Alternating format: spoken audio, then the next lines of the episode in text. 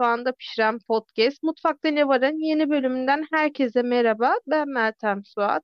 Bugün mutfağımızda Tercihen Çocuksuz kitabının yazarı, Başkent Üniversitesi'nden doktor öğretim üyesi Pınar Eke hocamla birlikte gönüllü çocuksuzluk kavramını pişireceğiz. Pınar hocam hoş geldiniz. Hoş bulduk. Hocam ben hemen şunu sorarak başlamak istiyorum.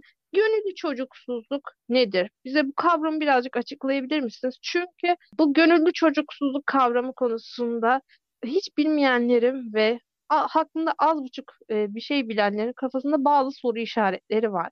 Bize bu kavramı detaylı olarak anlatabilir misiniz? Tabii ki gönüllü çocuksuzluk aslında bizim Türkçe'de yeni yeni kullanmaya başladığımız ve henüz sözlüklerimize dahil olmayan bir terim.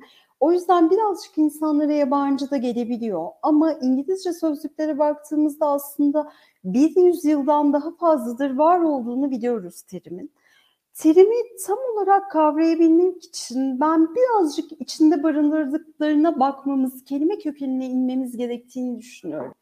Gönüllü çocuksuzluğun İngilizce karşılığı olan voluntary childlessness kavramındaki childlessness bizim için önemli. Çünkü bu çocuk sahibi olmayı olumlayan ve çocuksuz kalmayı bir eksiklik gibi çağrıştırarak zihinlerimizde hakaret vari bir algı yaratan bir kelime. Dolayısıyla biz geç 20. yüzyıldan itibaren bu terimin yerini çocuktan azade anlamına gelen child free'ye terk ettiğini fark ediyoruz. Child free terimi literatürde çocuk sahibi olmama planına dair bir arzuya veya karara atfen kullanılıyor. Dolayısıyla child bu tanımı önemli. Neden önemli? Çocuk sahibi olmadıkları için yokluğuna dair de bir zarar ya da kayıp duygusu hissetmeyen kadınları veya erkekleri aktif birer fail olarak kabul edip konumlandırmakta bize yardımcı oluyor. Bu anlamda aslında biz gönüllü çocuksuzluğu Türkçe'de çok fazla en azından kendim ve benim gibi düşünen bir takım akademisyenler tercih etmiyoruz. Ve tam da ben de benzer nedenlerle kavramı Türkçeleştirirken gönüllü çocuksuzluk yerine çocuksuzluk tercihi veya tercihen çocuksuz demeyi daha uygun buluyorum. Çünkü bir şeye gönüllü ya da gönülsüz olmak o şeye mesafelenmek için her zaman yeterli olmuyor. Mesela evlenmeye gönlünüz yoktur ama o kadar kapalı bir toplum yapısında yaşıyorsunuzdur ki bekar bir kadın olarak da hayatınızı idame ettirmek mümkün değildir. Evlenirsiniz. Burada sizin gönüllülük ya da gönülsüzlük esasına bağlı bir sonuç elde etmeniz çok da olası değil. Ama tercih söz konusu olduğunda bu daha farklı bir şey. İnsan herhangi bir tercihte bulunduğunda tercih etmediği diğer şeyleri kapı dışında bırakabilmek ve tercihini koruyup sürdürebilmek için mutlaka bir eylemlilik içine giriyor. Ve bazen eylem bilinci, bazen de bilinç eylemi zararı olarak takip ediyor. Dolayısıyla tercihin iradeyle ve bilinçle çok sıkı bir ilişkisi var. Ve çocuksuzluk tercihi dediğimiz zaman aslında biz görece yargısız bir önermeden söz ediyoruz. Çocuk sahibi olmaya ya da olmamaya bir değer yüklemiyor bu terim. Burada önemli olan çocuk ya da çocuksuzluk değil, sizin tercihiniz. Bu bağlamda terimi kullandığım her yerde de tercihlerin ve tercih yapabilme potansiyelinin altını çizdiğimi de belirtmem gerekiyor aslında. Şimdi tüm bu konuştuklarımız etrafında size böyle özet bir tanım vermem gerekirse çocuksuzluk tercihi dediğimiz şey fiziksel, mental ya da biyolojik hiçbir engeli olmayan ve görece sosyoekonomik ya da kültürel şartlardan da bağımsız tamamen kendi isteğiyle, iradesiyle, seçimiyle çocuksuz kalmayı devam ettirme arzusuyla hareket eden bireyleri bize anlatıyor ve aslında yaşamdaki önceliklerimizle ilgili. Şimdi hocam şöyle bir şey var. Gönüllü çocuksuzluk kavramı özellikle bizden bir önceki X kuşağı dediğimiz kuşakta pek anlaşılmıyor. Yani genelde şöyle tepkiler duyuyorum. Hani ben çocuk yapmak istemiyorum dediğimde en yanlış yargı şu. Çocuğun olamıyor mu? Kısır mısın? Ya çok çirkin bir itham. Diğeri de çocuk sevmiyorsun. Yani senin hayatın sıkıcı. Şöyle bir örnek vereyim size. Hani belki inandırıcı gelmeyecek ama benim aile bireylerimden biri gönüllü çocuksuz ve çocuk yapmak istemiyor. Eşi de bu kararını destekliyor ve birlikte çocuk sahibi olmuyorlar. Şu an çocukları yok. Ama eşinin annesi bunu çocuğu olamıyor diye anlıyor ve şöyle bir şey var. Her sene Hıdrellez'de bir gül ağacının dibine mutlaka bir bebek bağlıyor çocuğu olsun diye.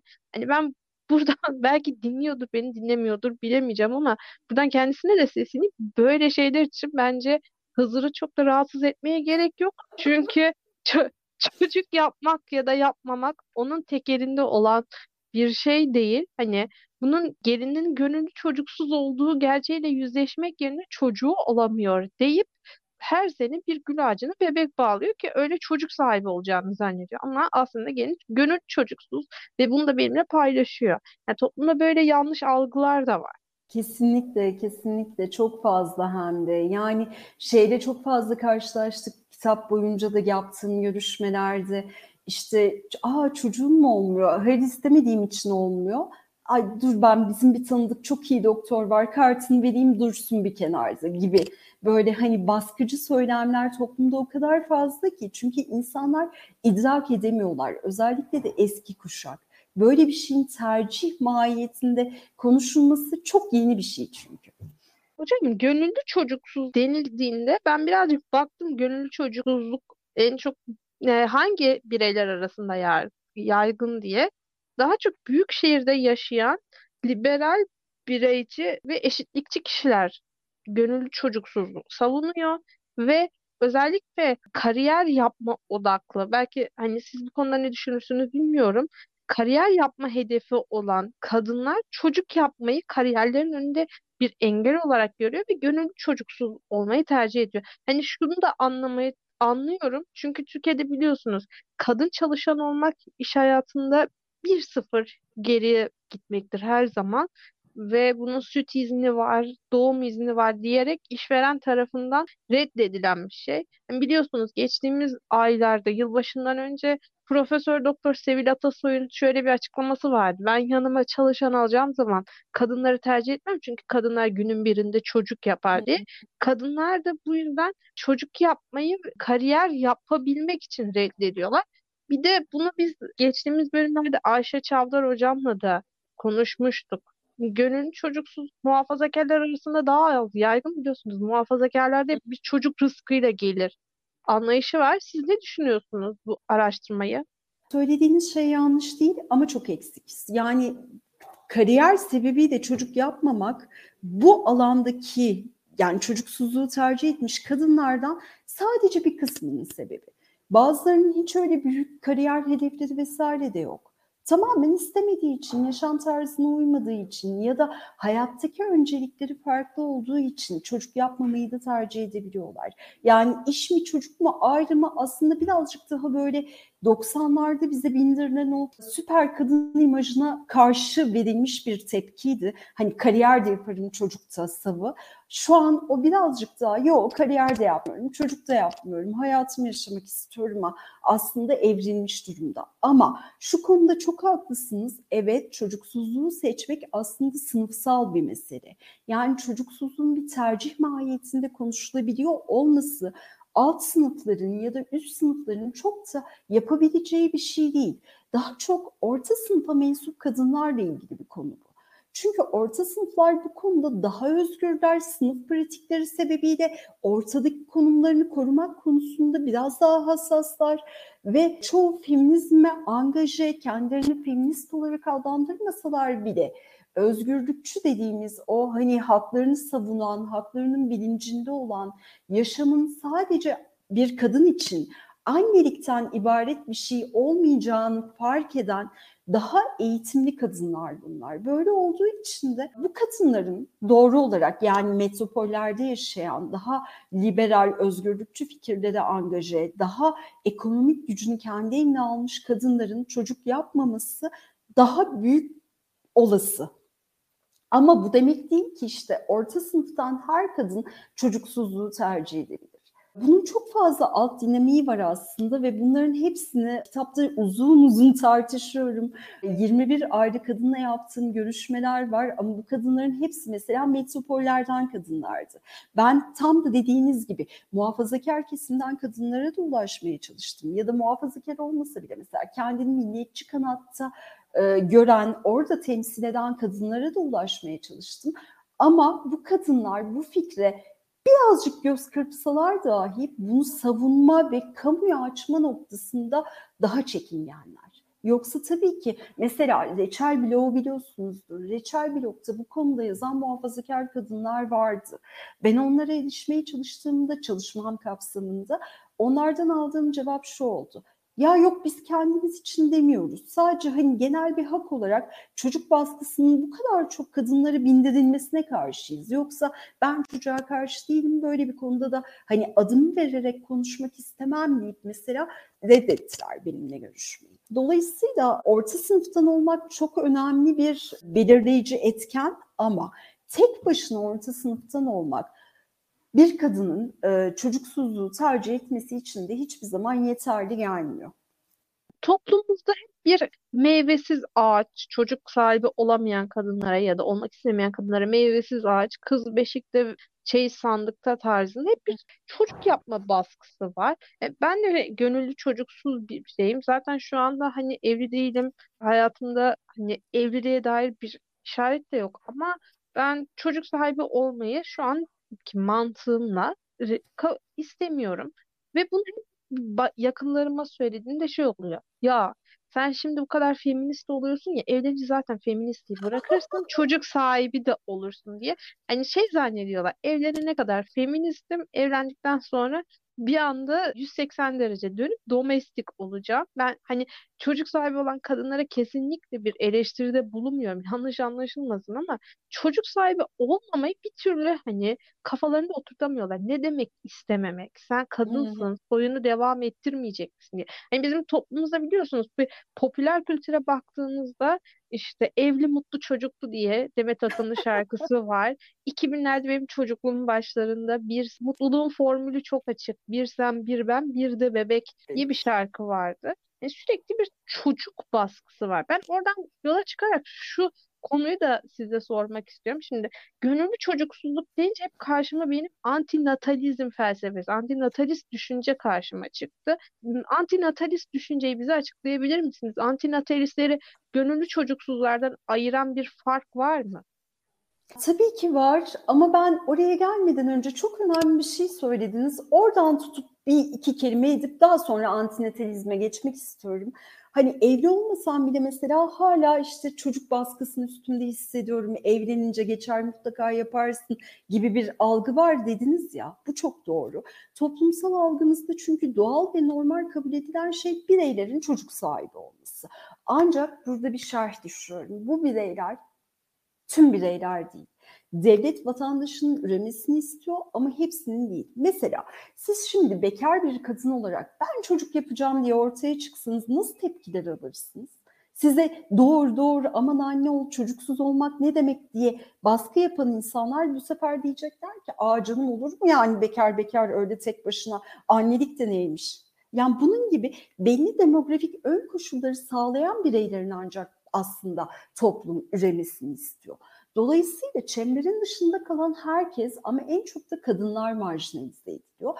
Ve bu marjinalizasyonda da yanlış anlaşılan en önemli konu bu çocuk istemiyorum diyen kadınların antinatalist zannedilmesi.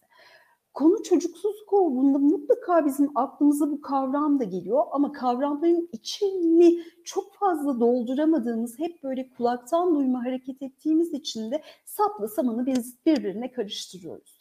Bu yüzden öncelikle şunun altını çizmek istiyorum. Antinatalizm ve çocuksuzluk tercihi tamamen birbirinden ayrı, farklı felsefi görüşler. Antinatalizmde bütünüyle biz insan türünün ürememesine yönelik bir çağrıyla karşılaşıyoruz çünkü. Antinatalistler Sofokles'in Oedipus Kolonius trajedisindeki bir sözden feyz alarak kendi felsefelerini kuruyorlar. Bu söz nedir diyecek olursanız da doğmamış olmak hiçbir zaman elde edemeyeceğimiz en değerli armağandır diyor bize. Ve antinatalistlerin temel felsefesi de tamamen bunun üzerine kurulu. Yani insanı dünya için kötücül bir tür olarak görüyorlar ve antinatalizme inananlar, bunu savunanlar insan sonunu bitirme arzusu gidiyorlar. Yapılan araştırmalara dayanarak antinatalizmin dünya genelinde çok da yaygın bir akım olmadığını söyleyebiliriz. Ancak taraftarları var tabii ki. Diğer taraftan çocuksuzluk tercihiyle biz aslında gündelik hayatımızın içinde çok daha sık karşılaşıyoruz. Antinatalizmde çocuksuzluk tercihini ne ayırıyor derseniz, çocuksuzluk tercihini savunanların bunu çok daha bireysel bir hak ve özgürlük mücadelesi, bir özgürlük meselesi olarak ele aldıklarını görüyoruz. Dolayısıyla çocuksuzluk tercihini savunanların temel çağrısı da aslında şu. Kimse kimseye karışmasın, insanlar tercihleri yüzünden yargılanmasın ve bu tercihler üzerinden de damgalanmasın. Herkes istediği hayatı yaşasın. Bu anlamda biz çocuksuzluk tercihinin bir nevi eşitlik talebi olduğunu söyleyebiliriz ve çocuksuzluk tercihi koşulları çok daha bağımlı. Halbuki antinatalizmden bahsettiğimizde orada koşullar fark etmeksizin insanın yeryüzünde bir tür olarak varlığına karşıyız. Dolayısıyla antinatalizm çok radikal bir akım ve aslında bir nevi bugünün bu yaygın neoliberal anlayışına da tezat bir ürememe politik. Ben antinatalizme şöyle e, geniş bir parantez açmak istiyorum. Çünkü çoğu dinleyicimiz antinatalizm hakkında bilgi sahibi olmayabilir. Antinatalizm bana çok ilginç gelen bir düşünce. Dediğiniz gibi çok yaygın olmasa da taraftarları var. Ee, ve ben antinatalizmi incelediğimde iki antinatalist düşünceyle karşılaştım. Birisi tamamen üremeyi ahlaken reddeden güçlü natalizmler. Bir de nüfus azalma tehlikesi olduğunda, nüfusun yok olma tehlikesi olduğunda e, nüfusu belli bir dengede tutmak için üremeyi kabullenen ama onun dışında üremeyi reddeden. Şimdi ve antinatalizmde şöyle bir şeyle karşılaştım. Antinatalistler üreme eyleminin birine karşı yapılan zararlı bir saldırı olduğunu ve bu bebeğin e, yani doğacak bireyin saldırı altındaki bireyin kendini savunma şansı olmadığını savunuyor. Hı hı. Zaten filozof Julia Cabrera da diyor ki üreme tek taraflı ebeveynin çıkarı üstüne kurulu ve manipülatif bir eylem. İnsan diyor doğumdan itibaren diyor Cabrera hem fiziksel hem de psikolojik olarak acı çekiyor ve bunun önleminin diyor tek yolu da diyor üremekten kaçınmak. Üstelik diyor bu üreme eylemi tek bir kişiyle diyor sınırlı değil. Doğacak kendisinden sonra doğacak torunları da aynı acıyı çekecek ve nesiller boyu çekilecek bir acıya zemin hazırlamış olacak bu ebeveynler. Ve şöyle ilginç bir şey var size onu da sormak istiyorum. Antinatalistler üremeye karşı çıkmalarına rağmen hamile kalındığında kürtaj yapılmasına da karşı çıkıyor. Diyeceksiniz ki nasıl? Hem üremeye hem kürtaja karşı çıkıyorlar. Diyorlar ki biz üremeye karşı çıkıyoruz ama hamile Yaşama. kalındığında ise başka birinin yaşamı başlıyor. Sen ondan izinsiz onun yaşam hakkını elinden alamazsın diyor ve kürtaja kesinlikle karşı çıkıyor. Yani en basit ifadeyle dinleyicilerimizi özetleyecek olursak Antinatalistler bireyin doğumunun ve ölümünün tamamen bireyin rızası temelinde olması gerektiğini savunuyor ve bu dönemde de antinatalistlerin dünyada gitgide taraftar kazanmasının sebebi yaş içinde bulunduğumuz derin çevre ve iklim krizi. E, şu an tarihimiz 19 Ocak kayıt yaptığımız tarih ve İstanbul'da hava 14-15 derece civarında bir Ocak ayında olmaması gereken bir bahar havasını yaşıyoruz. Natalistler de diyor ki Dünya şu an derin bir iklim krizinin içerisinde. Başka bir bireyi dünyaya getirmek ona yapılabilecek en büyük kötülük. Siz ne düşünüyorsunuz? Evet aslında şöyle hani kendi içinde çetrefilli gibi dursa da e, antinatalizmdeki temel konu yaşamak. Siz bir başkasının adına karar veremezsiniz diyorlar. Üremeye de aslında temelde bu yüzden yani bu hak temelli düşünce yüzünden karşılar ve onlar dünyanın hiçbir zaman daha iyi bir yapısı olmadığını, insanın dünya için faydalı bir tür olmadığını yani bu tıpkı şey gibi hani hayvanlar da mesela işte birbirlerini öldürüyorlar, yiyorlar, ediyorlar. Hani etçil hayvanlardan bahsedersek. Ama ne yapıyor? İhtiyacı kadar ve hayatta kalabileceği kadar. Ama insan ne yapıyor diyorlar? İnsan dünyayı sömürüyor, dünyayı yok ediyor. Dünyayı yok ederken sadece kendi yaşam alanını değil, dünyada yaşayan diğer varlıkların da yaşam hakkını gasp ederek bunu yapıyor diyorlar. Dolayısıyla bunlar yaşamın kutsanması noktasında aslında biraz daha üst bir bakış açısına sahipler ve bu yüzden de çocuğa karşılar. Ama aslında bunların felsefesinde çok da şey yok. Yani hani dünya daha güllük gülistanlık bir yer olsa biz üretmeye devam etmeli miyiz sorusunun cevabı yine hayır. Burada zaten çocuksuzluk tercihinden ayrılıyorlar. Çünkü çocuksuzluğu tercih edenler mesela farklı koşullarda belki çocuğa daha sıcak bakabilecekleri konusunda bir açık kapıya sahipler. Antinateizmde böyle bir şey söz konusu değil. Onlar insanın dünya için yeryüzünde uygun bir tür olmadığını ve burayı mahvettiğini düşünerek bütün yaşam haklarını gasp ettiğini, insanın kötücül, saldırgan, yok edici bir varlık olduğunu düşünerek bu işe karşı çıkıyorlar. Aslında temeldeki ayrım bu. Koşullardan bağımsız olarak çocuğa karşı olmalarından kastım da bu. Ha belli dönemlerde antinatalist düşünce daha da hakim hale geliyor. İşte iklim kriziyle vesaireyle birazcık daha fazla konuşulur hale geliyor ama bu demek değil ki işte iklim krizini bertaraf ettik, ozon tabakasındaki deliği kapattık, dünya çok yaşanılır bir hale geldi. Antinetistlerin hepsi diyecek ki hadi yürüyelim. Böyle bir durumda yok. Hocam hazır antinatalistleri ve gönüllü çocuksuzluğu tartışıyorken biliyorsunuz bizim ülkemizde çok değişik bir aile planlaması politikası işliyor. Devlet tarafından teşvik ediliyor. Belki de e, dünyada hani ülkesinde çocuk yardımı olmadığı halde sürekli bir çocuk yap baskısı pompalanan ender ülkelerden biriyiz. Yani çocuğa doğumdan itibaren devlet bir yardım yapmıyor. Mama yardımı, bez yardımı bunlar yok. Ama buna tezat olarak sürekli bir en az üç çocuk kaygısı güdülüyor. Siz devletin aile planlaması politikalarını nasıl yorumluyorsunuz? Aslında şöyle orada her şeyden önce şunu düzeltelim. Yardım yok değil, yardım var ama bu yardım çok göstermelik bir yardım. Gerçekten günümüz şartlarında hatta komik ve dalga konusu olabilecek miktarlarda bir yardım. Çünkü devlet ilk çocuğun doğumuna 300 TL, ikinci çocuğa 600, üçüncü çocuğa 1200 lira gibi bir para veriyor ama bu tek seferlik. Yani bununla bugünün şartlarında bir çocuğun bir paket bezini dahi alamıyor. Ama buna karşın dediğiniz gibi çok yoğun bir doğumu ve doğum kontrol uygulamalarını teşvik edecek yani doğum kontrol uygulamalarını reddedip doğumu teşvik edecek ve hatta sezaryana bile karşı duracak hani orada bile senin nasıl doğurman gerektiğinin tarifini yapacak bir üreme politikası var. Ama bu sadece bugünün problemi de değil. Bu aslında her daim iktidarların odağına aldığı bir konu. Çünkü biliyorsunuz ki bir devletin özellikle de milliyetçilik esasıyla kurulmuş devletlerin var olabilmesi nüfusuna bağlı. Dolayısıyla biz bir de bunun üzerine patriarkal kodları eklediğimiz zaman Türkiye gibi ülkelerde çocuksuz olmak, özellikle de çocuksuz kadın olmak toplumun geneli için hala rahatsız edici bir mevzu olarak algılanıyor.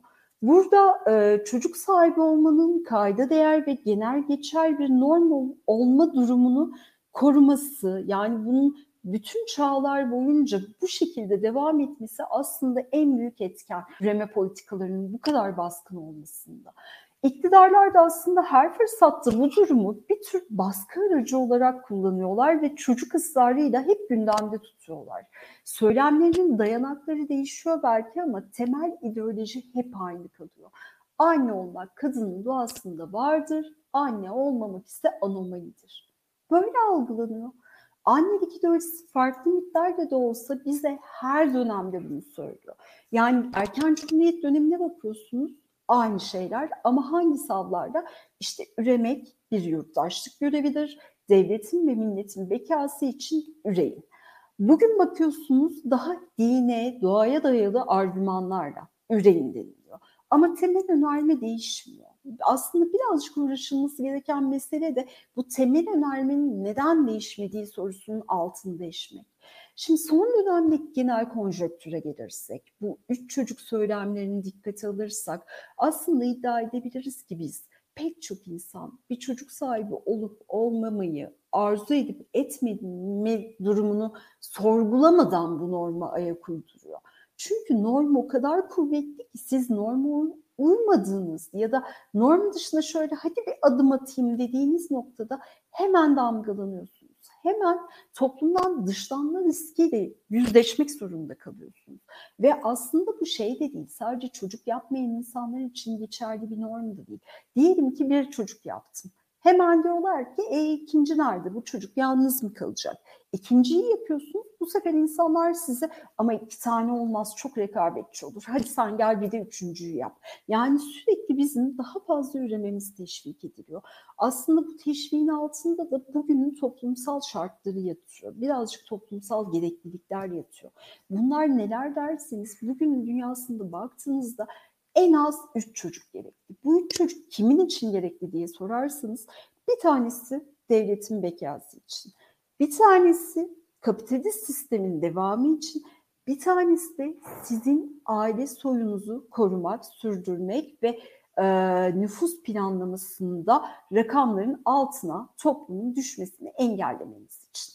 Dolayısıyla bizim toplumsal algımızda bugün baktığımızda doğal ve normal kabul edilen bireylerin çocuk sahibi olması.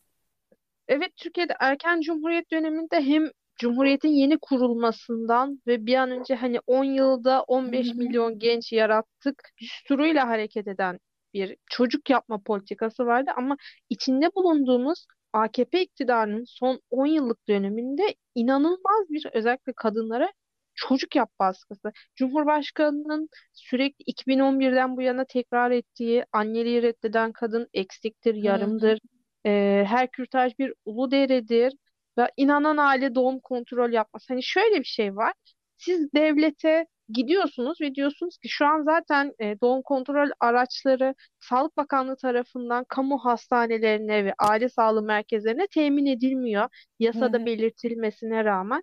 Ama siz gidip devlete dediğinizde biz korunuyoruz dediğinizde devlet şunu söylüyor. Kimlerden korunuyorsunuz? Yani bu böyle hani o kadar yanlış bir algı ki bu. Hani devlete gidiyorsunuz ve diyorsunuz ki biz korunuyoruz. Çocuk yapmak istemiyoruz. Devlet de diyor ki kimlerden korunuyorsunuz yavrum? Hani böyle bir algı ve sürekli bir çocuk yapmak. Biliyorsunuz aileden sorumlu Kadın Bakanlığı bir anda e, sadece Aile Bakanlığı'na çevrildi Hı. 2011 yılında. Şu anda kaydı yaptığımız e, günde ve hani şu dakikalarda da mecliste ailenin tanımını yapan madde 41'in düzenlemesi geç tartışılıyor Anayasa Komisyonu'nda. Ondan da söz etmek istiyorum. Sürekli bir aileyi daha da korumalıyız. Mottosu mu diyeyim, düsturu mu diyeyim, aileyi korumalıyız. Aile tehdit altında algısı var. En doğru kelime bu oldu. Peki size son olarak şunu sormak istiyorum. Böyle bir ortamda iktidarın sürekli çocuk yapma baskısı yaptığı bir ortamda sizi tercihen çocuksuz kitabını yazmaya iten faktör neydi? Etmen neydi? Son olarak onu sorayım. Ya şimdi şöyle özellikle dediğiniz gibi son 10-12 yılımıza baktığımızda devlet politikaları nezdinde artık kadının adının olmadığını görüyoruz.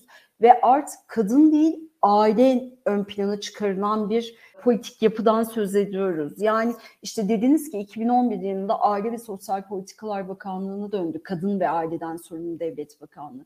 2018 yılına geldiğimizde artık bakın çok daha vurucu bir şey oldu. Aile, Çalışma ve Sosyal Hizmetler Bakanlığı'na döndü.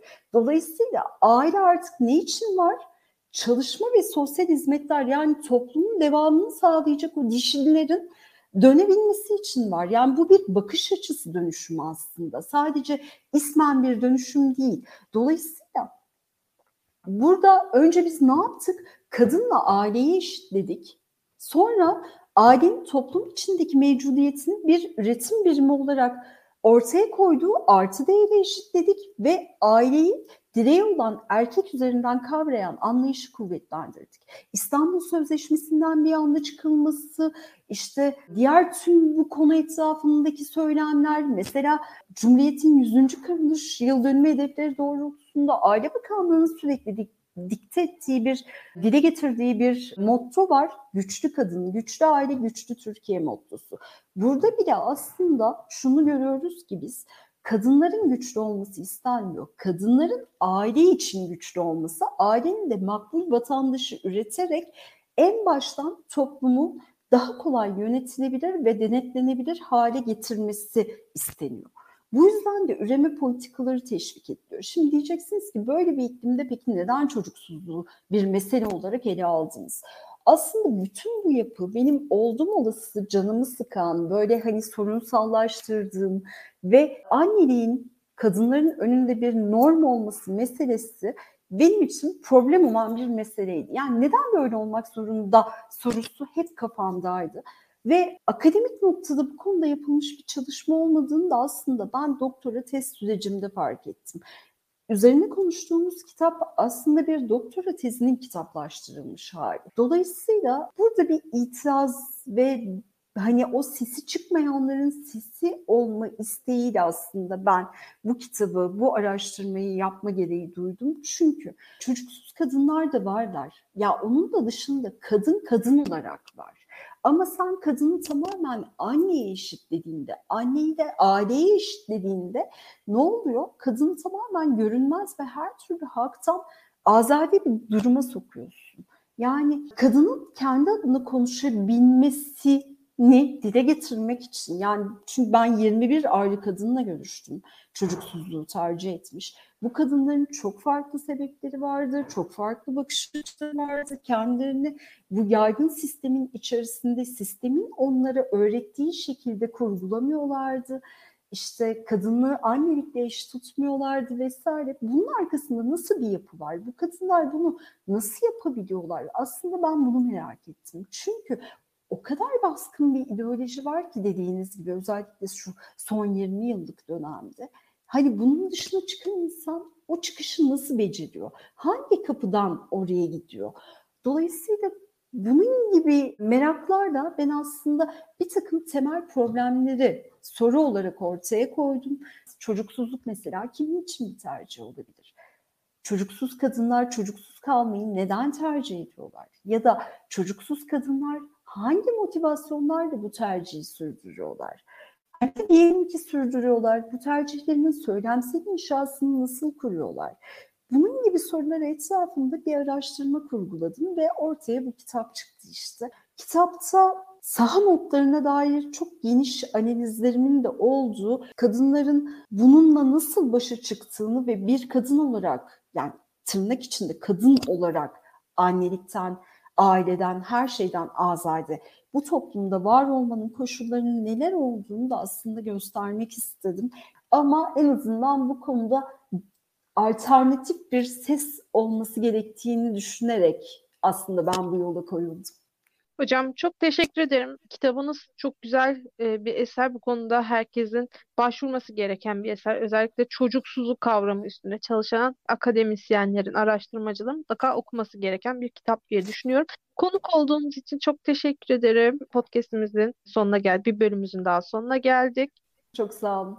Toplumsal cinsiyeti süte bandırılmış bebe bisküvisi tadında pişen podcast Mutfakta Ne Var'ın bir bölümünden sonuna geldik. Mutfakta Ne Var'ın hem geçmiş bölümlerini yeniden dinlemek hem de gelecek bölümlerimizden haberdar olmak için bizi Spotify, iTunes ve Google Podcast kanallarımızdan takip etmeyi, Daktilo 1984'ün diğer yazılı içerik ve podcastlerine göz atmak için web sitemizi ziyaret etmeyi, YouTube kanalımıza abone olup katıl butonundan bizi desteklemeyi unutmayın. Hoşçakalın.